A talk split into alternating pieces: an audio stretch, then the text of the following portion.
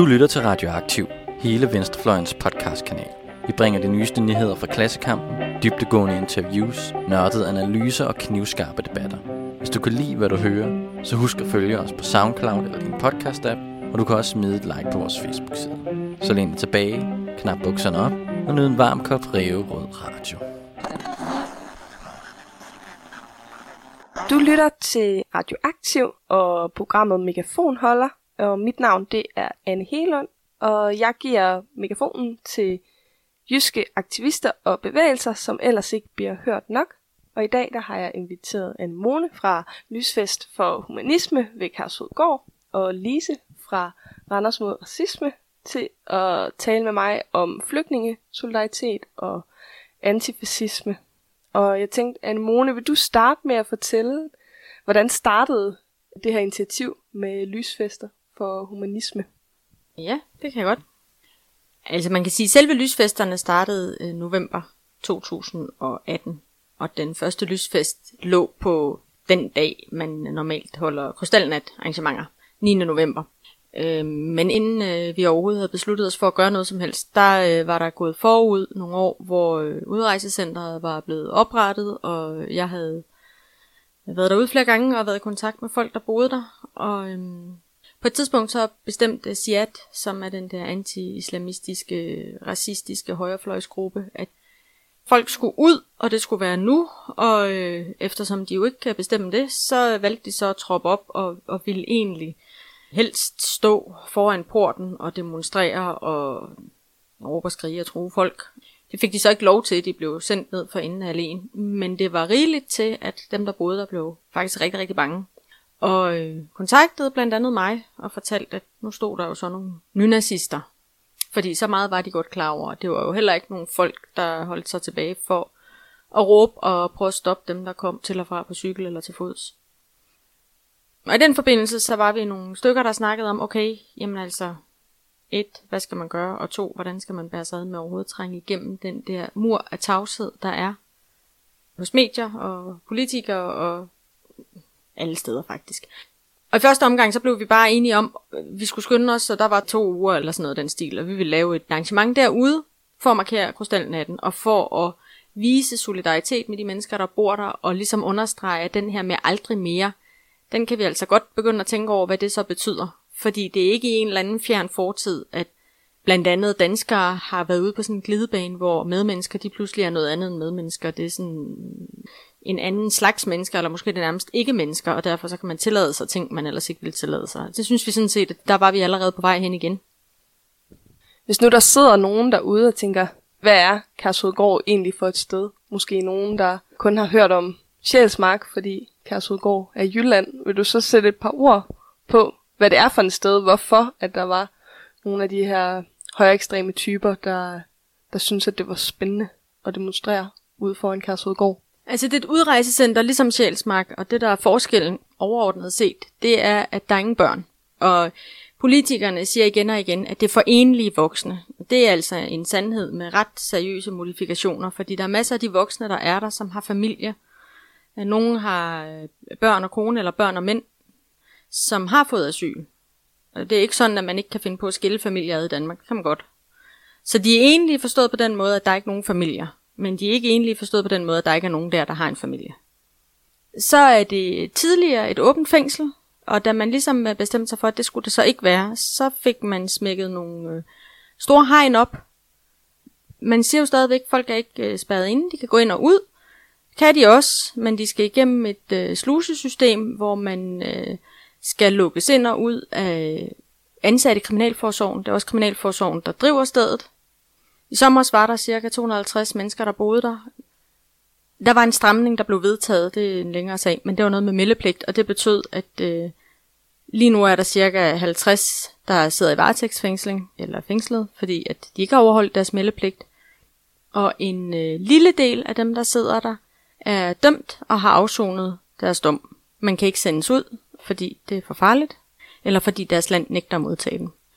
Og langt, langt, langt det største flertal af de mennesker, der sidder der, er mennesker, der har søgt asyl, og deres eneste fejl har været, at de har søgt asyl i Danmark.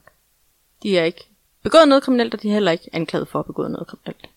Og hele pointen med det sted er, øh, ligesom med Sjælsmark, at som Inger Støjberg meget tydeligt sagde, livet skal være så utåligt som overhovedet muligt, når man er afvist, fordi man skal tvinges til at rejse hjem.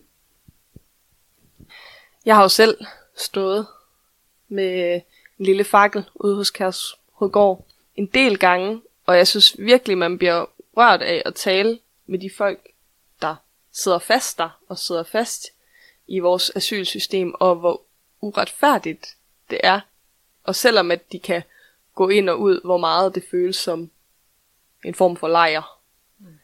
Og jeg tænker, der er jo noget med forrådelsen af udlændingedebatten i Danmark, og hvor umenneskeligt nogle politikere andre mennesker i det her land synes, det er okay at behandle folk, bare fordi de er født et andet sted end her.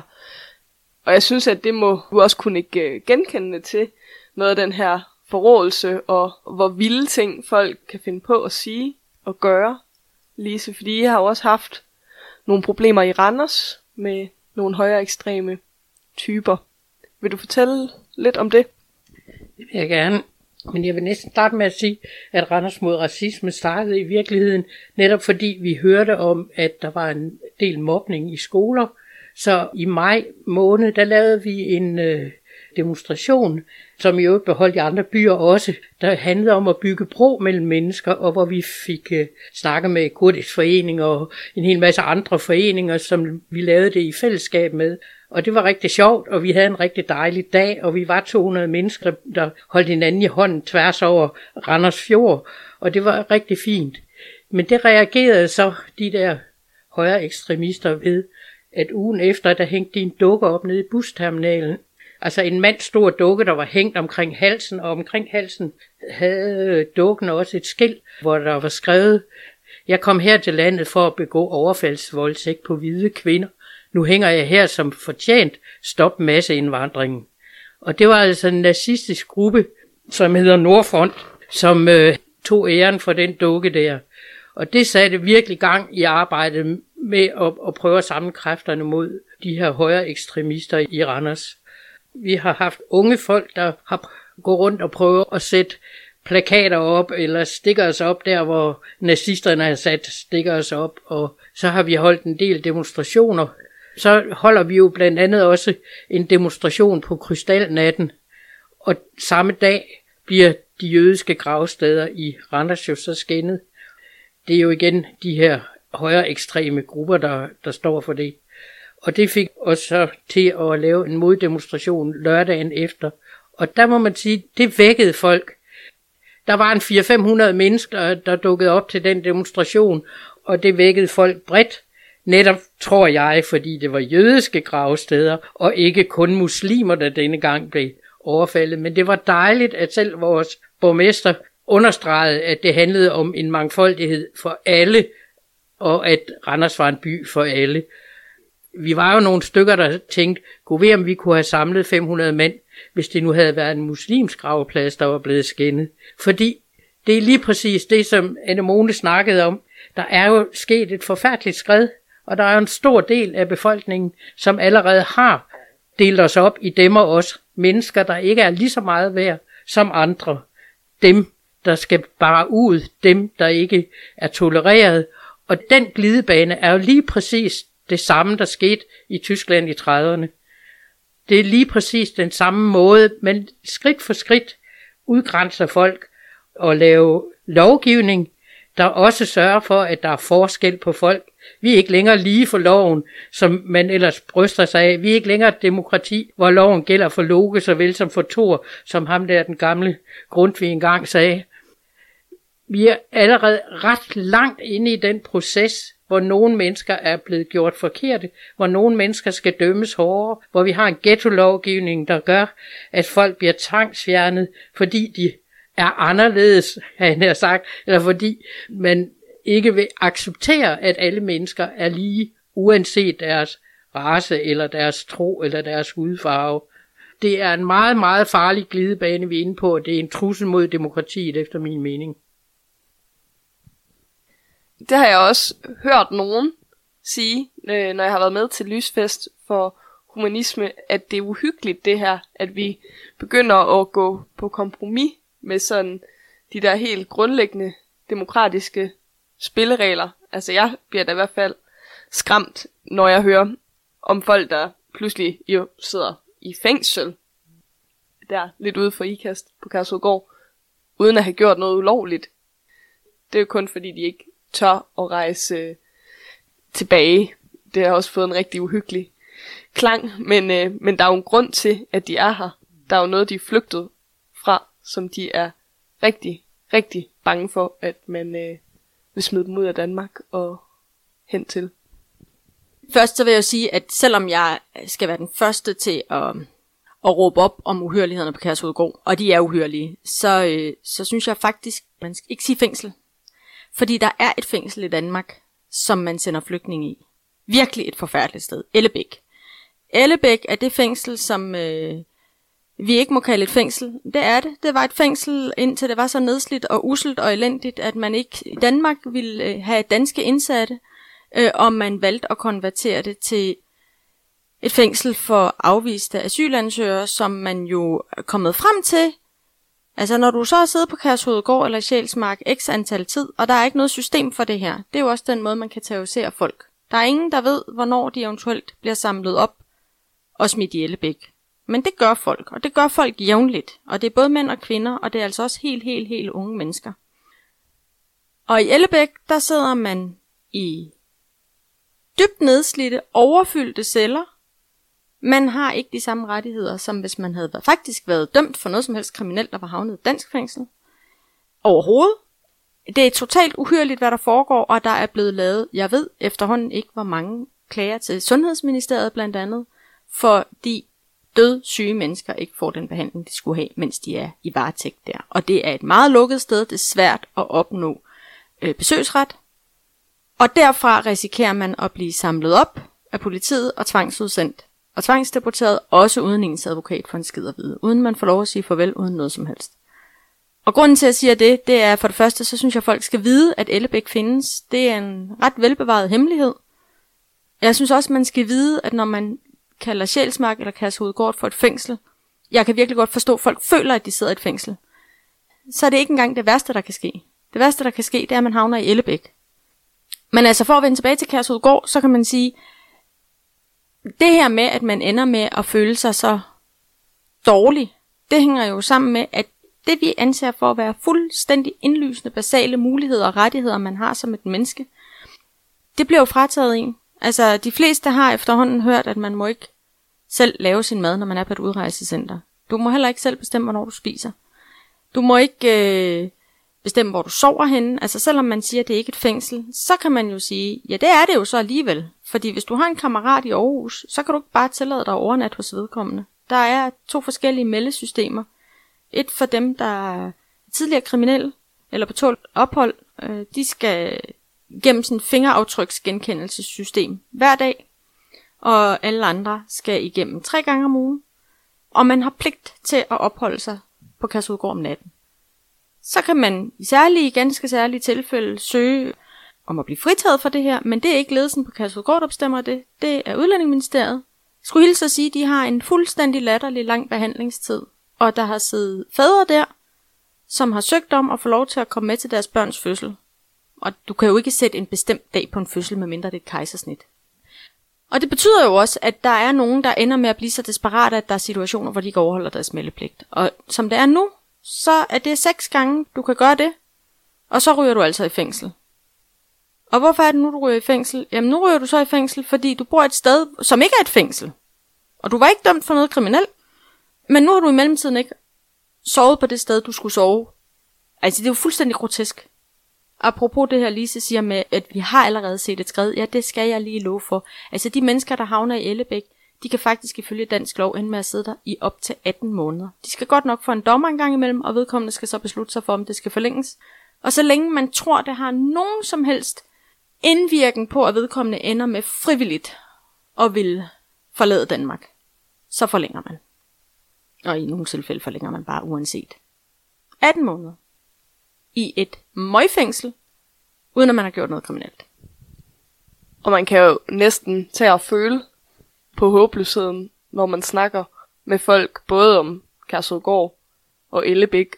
Men derfor var jeg i hvert fald også virkelig glad og håbefuld, da jeg så, hvor mange mennesker, der kom på gaden i Randers. Altså, fordi at man kan synes, at det er hårdt nok at skulle øh, trumme folk på gaden i Aarhus, og det er rigtig meget op ad bakke at få folk til at køre rigtig langt til uden for IKAST for at stå ved Kærsudgård. Og så tænker jeg bare, ej, det kunne virkelig være rart, hvis folk fik øjnene op for, at om det er en jødisk gravplads, eller en jødisk familie, der får sat stjernen på deres postkasse, eller det er folk, der har muslimske rødder, der øh, bliver behandlet helt umenneskeligt, eller hetset helt vildt skræmmende, som det er set i Randers, at så er det noget af det samme, og at vi er nødt til at sige fra uanset. Så jeg vil bare gerne høre lidt om, især sådan lidt håb for, at der kunne være et skred i den anden retning i Randers. Altså, det betyder jo, at øh, der dukker lidt flere op til vores møder, det må man sige. Vi sagde godt nok der, hvor de der 400-500 mennesker var, at de var alle sammen velkomne til at komme til vores næste møde. Det gjorde de altså ikke. Der kom også mange til vores møde lige efter den der dukke havde været op og hænge, fordi det havde været i fjernsynet. Og det er klart, at når der sådan lige bliver blæst om en sag, så trækker det nogen til. Og så er der nogen, der er standhaftige og bliver ved at arbejde, fordi de kan se alvoren i det her. Og måske også fordi man får øje på, det langsigtede perspektiv i det, at det er en utrolig farlig tendens, der er med det skred i bevidstheden i befolkningen. Men altså, det er jo en svær verden, vi sidder i med klimakriser og flygtningekriser, og der er mange ting, man kan engagere sig i. Og der er også mange, som har et svært liv, fordi også arbejdsmarked og arbejdsløshed, og der er så mange faktorer, der gør, at det kan være svært at have kræfter til også at gøre andet end i det mindste troppe op, når man siger, ej, nu er de gået over stregen. Ikke? Og det er sådan set meget forståeligt. Det er bare det lange seje træk, der er det, der er nødvendigt, hvis vi skal lave om på det her for alvor. Og det tror jeg er meget vigtigt. Og jeg tror, det er meget vigtigt at komme ud omkring gymnasier og andre steder, de unge, og få gjort opmærksom på, hvor voldsomt det her skred i virkeligheden er. Fordi der er jo også mange unge, der godt kender nogen, som jo et eller andet sted bliver fanget i den der øh, retorik, og som ligesom siger, ja, men det er jo ikke hendes Jasmin, jeg kender. Der bliver ligesom lavet sådan et billede af nogle andre fremmede, ikke lige dem, jeg kender, ikke? Og der er det lidt vigtigt, tror jeg, at få gjort opmærksom på, jamen der er altså rigtig mange af jeres venner nu, som faktisk også bliver truet. Fordi de her stramninger jo gør, at man begynder jo også at vil sende folk hjem, som har været her og fungeret her i overvis. Altså, der findes jo familier, hvor børnene er født og opvokset her i landet, og som aldrig har talt andet end dansk, som man vil smide ud af landet. Så grotesk er det efterhånden. Og det tror jeg ikke er gået op for ret mange. Fordi der er pressen jo desværre meget ensidig. Det er så vanskeligt at komme igennem med andet end lige præcis, når der netop er sådan en begivenhed, som skændingen på det jødiske gravsted var. Ikke? Altså, så kommer det i fjernsyn, men altså alle de der dagligdags små ryg, hvad det betyder for mennesker, det er bare så vanskeligt at komme igennem med og få gjort synligt i den almindelige presse. En af de ting, der har berørt mig meget, det var, at da vi arbejdede med det her, der øh, sad jeg sammen med en øh, familie, der var kommet til Danmark for 5-6 år siden, og hvor der var en datter på en øh, 14-15 år, som havde haft kræfter til at fortælle i nogle af sine naboklasser, hun snakkede jo fuldkommen flydende dansk, altså, om hvordan det var at være flygtning som barn. Hvordan det var, at de blev bombet, og hun var faktisk alene hjemme med sin lillebror. Hun vidste ikke, om hendes far og mor var i live. Og de vidste jo ikke, om huset var blevet ramt. Og så ender de med at skal flygte, og de øh, skal gå langt og kommer til en flygtningelejr, og deres far er kommet en anden vej, og ham ser de så ikke i to år. Ham møder de faktisk først, da de når til Danmark det hun så fortalte, det var jo, at hun havde det stadigvæk sådan, at når der kom en flyvemaskine, så blev hun bange. Bare det, hun hørte en flyvemaskine op i luften. Hun fortalte så også, at rigtig mange af de der børn, som jo var de her 12, 13, 14 år, som hun fortalte de her ting til, det gik jo op for dem, hvad det vil sige. Det var jo aldrig gået op for dem før.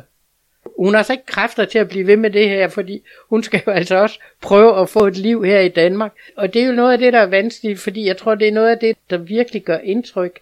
Det er, når vi kan gøre det øh, synligt, hvad det er, vi er i gang med at gøre i det her land. At det er mennesker, vi er ved at ødelægge. Altså jeg tænker også, at det er en af grundene til, at Kærsrudgård for eksempel ligger langt ude på landet, godt gemt væk, sådan at det netop ikke er særlig synligt, hvordan vi behandler afviste asylansøgere i det her land, og så folk ikke hører deres historier om, hvad det er, de er flygtet fra, hvad det er, de er så bange for, at de hellere vil sidde på Kærsrudgård. Og jeg tænker også, at det betyder rigtig meget for den idé, folk har om, hvad det er for nogle mennesker, der er i de her udsmidningslejre. Altså. Og der tænker jeg bare, at hvis folk for eksempel kommer med til Lysfest og møder de her mennesker, så tror jeg slet ikke, at man kan lade være med at blive ved med at råbe op om, at det ikke er okay. Selvom at jeg i forvejen var vildt og voldsomt imod, så bliver det meget mere hjertesag, når man faktisk har mødt nogle af dem og, og hørt deres historier, men de er jo også lidt nervøse for at råbe op, fordi de er bange for, hvad det betyder for, om de kan blive her. Ligesom Lise siger, medierne har en meget stor rolle i det her. Altså jeg har jo for eksempel lagt mærke til, at når endelig, endelig, endelig man hører noget om Kærsudgård i medierne, og det er jo så tit negativ historie, men det billede, der bliver sat ved hver eneste gang, det er den gamle indgang. Det er jo fuldstændig irrelevant. Den der indgang, det er ikke en indgang. Altså, jeg har aldrig nogensinde set i mainstream media den indgang, der er reelt af indgangen. Der er ikke noget hegn, der er ikke nogen sluse, der er ikke nogen uniformeret betjente, der er ikke noget noget. Nej, man viser en gammel indgang af en hvidkalket, idyllisk Jamen, det ligner jo faktisk en gård med en val portåbning, ikke? Og for et par dage siden troppede Pierre Kærsgaard jo op derude og lavede en lille video, ikke? Med sit, jamen altså, til forladelige hyggestemning, ikke? Jamen altså, hvad kunne man gøre? Og man var jo nødt til at holde loven, og de her mennesker havde jo fået deres sag behandlet. Og det kan man så sige en hel masse om, fordi rigtig mange af de sager er simpelthen så elendige. Altså, der har været elendig tolkning, elendig sagsbehandling, elendig alt muligt. Og der er jo faktisk også folk, der ender med at få asyl. Lige præcis på grund af det der. Og derfor er de menneskers allerstørste ønsker jo også, at enten så går deres sag om, og så får de en reel ordentlig sagsbehandling med ordentlig tolkning, eller også så får de deres fingeraftryk tilbage, så de har en chance for at søge asyl et andet sted. Og det er jo interessant, at unge mennesker Danmark har afvist og har haft både på Kærsudgård og på Sjælsmark. Ikke så få af dem har efterhånden opnået asyl i både Tyskland og Spanien. Altså, hvis ikke der var noget asylgrundlag, så havde de aldrig opnået asyl i Spanien eller Tyskland. Det er Danmark, der er forkert på dem. Så det er den ene ting. Og den anden ting er, at, at det kommer nærmest altid til at fremstå, som om de mennesker, der sidder der, de er kriminelle. Hele banden. De er alle sammen kriminelle, og de har sikkert lavet noget rigtig, rigtig lort. Og der er folk, der har lavet noget lort derude. Men normalt i det her land, så plejer vi jo at sige, når du så har afsonet din straf, altså, så har du sådan set afsonet din straf. Og hvad er konsekvensen af at sige, så holder vi folk der, som en del af deres straf, så skal de udsendes, men det kan vi ikke. Hvad er perspektivet? Skal vi holde folk 50 år, fordi de skal fandme være der, indtil de kan udsendes, uanset om de kan udsendes eller ej. Det virker jo som om, der er ingen politikere, der vil spørge sig selv om, nu har det der foregået lang tid nok, til man burde kunne måle, hvad er succesraten. Succesraten, den er minus 25. Altså det der, det er helt af helvede til. Og man ødelægger folk. Og øhm, altså du er fuldstændig ret i, at der er mange, mange historier, der burde blive hørt. Og jeg arbejder selv for at kunne få lov til at skrive den. Og det er rigtig, rigtig svært, fordi de mennesker er rigtig bange for at øh, blive udsat for repressalier, og nogle af dem har jo også oplevet at blive udsat for repressalier, hvis de faktisk fortæller, hvad der sker. Og det er jo ikke i anførselstegn kun deres sagsbehandling. Det er også, når de fortæller om, hvad det er, de oplever. Det er jo ikke alle personale, der er venligt. Der er venlige mennesker der, der er der, også blandt personalet, men det er sgu ikke dem alle sammen. Og det er jo også en del af forrådelsen. Altså, det må jo også være meget, meget mærkeligt. Jeg har virkelig tænkt meget over, hvis man tager en uddannelse og bliver fængselsbetjent, hvad betyder det så for en selv, at man ender med at skulle være fængselsbetjent for nogle mennesker, der ikke er i fængsel? Meget mærkeligt. Og det gælder jo også Røde Kors. Altså, hvad er Røde Kors rolle på de der steder? I deres selvforståelse, så er det bedre, at de er der, end at de ikke er der. Men jeg synes da godt, man kan stille rigtig, rigtig stort spørgsmålstegn ved, hvordan en humanitær organisation er med til at administrere og, og være en del af et system, der er fuldstændig inhumant. Jeg synes, at en af de ting, der er rigtig vigtige at tage med i det her omkring medierne, det er, at en af de ting, der bliver gjort, kan man sige, som er med til hele tiden at lave den demmer os, det er det der bizarre noget med, at øh, uanset om dine forældre har boet og er født i Danmark, og du selv er født og opvokset i Danmark, så er du stadigvæk ikke dansker. Så er du tredje generations indvandrer. Altså det er lidt ligesom den der måde, nazisterne de sagde kvartjøder og halvjøder. Ikke? Hvornår fanden bliver man dansker? Så hvor mange generationer skal man gå tilbage? Skal man have sin tibollefar, eller skal man tilbage til Gorm den Gamle?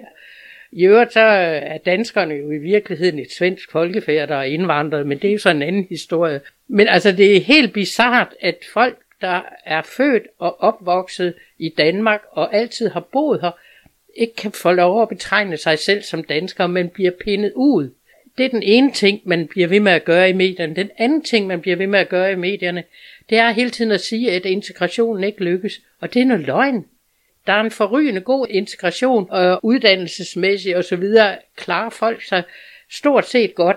Man fokuserer udelukkende på de cirka 3 procent, som er kriminelle og ryger ud over en kant, og det er dem, man snakker om hele tiden. De 97 procent, der fungerer godt og klarer sig godt og er velintegreret, dem snakker man ikke om. Og det giver jo et fuldkommen skævt billede af, hvad det vil sige at tage imod folk fra andre lande og få dem integreret i det danske samfund. Så i stedet for at være glad for, at der kommer noget mere kultur og nogle flere idéer og noget lækker mad og hvad ved jeg, vi vil jo gerne æde falafel, ikke også? Men altså, dem der laver det, dem der kommer med det, de skal hedde tredje generations indvandrere, selvom de aldrig har gjort andet end at bo her i landet. Det er langt ud, og det siger noget om, hvordan den der mekanisme er, som gør, at man ender med at blive små racister. Altså, det er også noget af det, der har skræmt mig rigtig meget nu. Bor jeg selv i Gellerup, og der har folk i hvert fald blevet noget forskrækket over, at selv som dansk statsborger, så tæller du med lige meget, hvor godt du er integreret, lige meget, hvor meget du er i arbejde, lige meget, hvor veluddannet du er. Så tæller du med i en statistik, der kommer dit boligområde på en ghetto-liste, jeg havde at bruge det ord, kun fordi, at du bliver puttet i kategorien ikke-vestlig. Og det synes jeg der er vildt, vildt skræmmende, at vi er nået dertil. Men øh, til alle dem, der sidder derhjemme og bliver godt indineret og tænker, at vi er også nødt til at gøre noget ved den racistiske, skræmmende retning, vores samfund er på vej i, og tage kampen op i forhold til at få lukket alle de her lejre. Hvad vil I så sige til folk? Hvad skal de gøre? Det, der er rigtig vigtigt, det er faktisk, at man snakker med sine nærmeste. Og at man forholder sig til, når man hører de her, ja, men sådan er muslimer jo, eller hvad det er for nogle nedladende, eller små racistiske, eller store racistiske udtryk, der kommer, at man siger, det er jo ikke rigtigt. Vi skal simpelthen bekæmpe den der form for racisme, som er i sproget, og det kan vi alle sammen gøre. Alle de steder, hvor vi er, i skolen og på arbejde og i familien, altså. Vi skal reagere, vi skal ikke bare sidde og lade de her bemærkninger, ah, jamen, det er jo også dem der med tørklæde. Altså, sådan nogle bemærkninger, vi skal sige, ved du hvad, du er altså helt galt afmarcheret, hver gang vi hører det. Det er altså nok det allervigtigste, at vi alle sammen gør det. Alle, der har hjertet på rette sted, reagerer på det, vi møder i vores hverdag. Og så er det jo sådan, at hvis man vil flytte noget for alvor, så er man nødt til at samarbejde. Man er nødt til at organisere sig. Man er nødt til at gå sammen med andre, der også har hjertet på rette sted. Og der, hvor man bor, der, hvor man er, se om man kan finde nogle organisationer. Nu i Randers mod racisme, vores næste projekt, det er, at den 21. marts, der er det FN's dag mod racisme. Men at man prøver hele tiden at være sammen med nogle mennesker og organisere sig på at lave noget helt konkret. Og så det der med at sige fra, når du møder den der racisme i din hverdag, at det ligesom bliver normalt, at man kan snakke om andre mennesker, som om de var forkerte. Jeg synes, det siger faktisk alt om, hvor vi er som land, at ordet hyggeracisme er kommet i ordbogen. Hy- hyggeracisme. Hvordan kan racisme nogensinde være hyggeligt? Lige før sommerferien, der var jeg indlagt på hospitalet med min datter, og øh, sidder på den der børneafdeling, børnekraftafdeling, man skulle tro, når man sad sådan et sted, så kunne man godt finde empatien frem for de andre, man sad det samme sted med. Der er så en, øh, en sort kvinde, indlagt med sin datter, som er virkelig, virkelig dårlig. Og jeg ender altså nærmest med at flyne en fuldstændig skråt ud, fordi det bor jeg så sidder ved. Sidder og jakke, jakke, jakke, jakke, jakke. Ja, men så nogen som hende, de kan jo heller ikke finde ud af selv at bære tallerkenerne ud. Undskyld mig. Nej, altså, så nogen som hende, altså død, syge børn, der er indlagt med en forældre. Den forældre har sgu nok lidt andet at lave, end lige at fare rundt med beskidt service. Måske, hvis man har så meget overskud, man kan sidde og brokser, så kunne man måske få hænderne op ad lommen og hjælpe. Det var så min kommentar til det. Og så var stemningen lige pludselig rigtig meget dårligere. Og det er jo i virkeligheden det, vi alle sammen skal ture og øh, holde op med at tro, at det er vores øh, ansvar for enhver pris at have den gode stemning. Altså, og så er det sådan set lige meget om det er rundt om frokostbordet på arbejdspladsen, eller hvor det nu er. Mobning, altså det her, det er jo racisme, men det er jo faktisk også mobning. Og mobning kan kun finde sted, fordi det store flertal bare sidder og holder kæft. Så alt, hvad der ligner flinkeskole, eller at jamen, det kommer jo heller ikke mig ved, og jeg er jo heller ikke sådan en, der blander mig, og jeg er jo heller ikke sådan en, der råber op, eller jeg er ikke sådan en, der interesserer mig for politik. Det er en luksus, man ikke kan tillade sig. Altså, vi er alle sammen forpligtet til at åbne mund. Ja, man kan godt blive træt. Jeg bliver jævnligt træt. Det kan være virkelig, virkelig træls. Men så må man jo spørge sig selv, hvad er alternativet, og, og hvem er det mest træls for? Det kan lytterne jo ikke høre, men jeg er hvid og lys og tilsyneladende dansk, men øh, de samme politikere, som taler om anden og tredje og så videre, øh, ikke-vestlige indvandrere, de omtaler jo så også mig som en ikke-vestlig efterkommer. Fordi jeg har en øh, far, der er fra Mellemøsten, godt nok en dansk mor, født her, statsborger her, og så videre, så videre, så videre. Ikke desto mindre, og så er det ikke ret lang tid siden, at en socialdemokratisk politiker sagde til mig, at han synes, jeg skulle være rigtig, rigtig glad og taknemmelig for, at jeg ikke bare var blevet sendt hjem. Og det er altså der, vi er. Socialdemokratiet i dag er jo milliard kilometer væk fra den gang Nyrup sagde til Dansk Folkeparti, stueren bliver jeg aldrig. Og det har konsekvenser. Det har konsekvenser, når såkaldt rød fløj bliver racister. Så vi skal alle sammen åbne munden, om det er vores kollegaer, eller nogle andre, vi kender, eller vores politikere, der siger noget racistisk, så skal vi ikke bare se os om, om der var nogle andre, der sagde dem imod, men tænke over, om ikke det skulle være os, der gjorde det. Og så øh, måske endda troppe op til næste lysfest for humanisme, og det er den 10. januar kl. 19. Og om ikke andet, så synes jeg i hvert fald, at man lige skal gå ind på Facebook og synes godt om både Randers mod racisme og Lysfest for humanisme. Tusind tak, fordi I lyttede.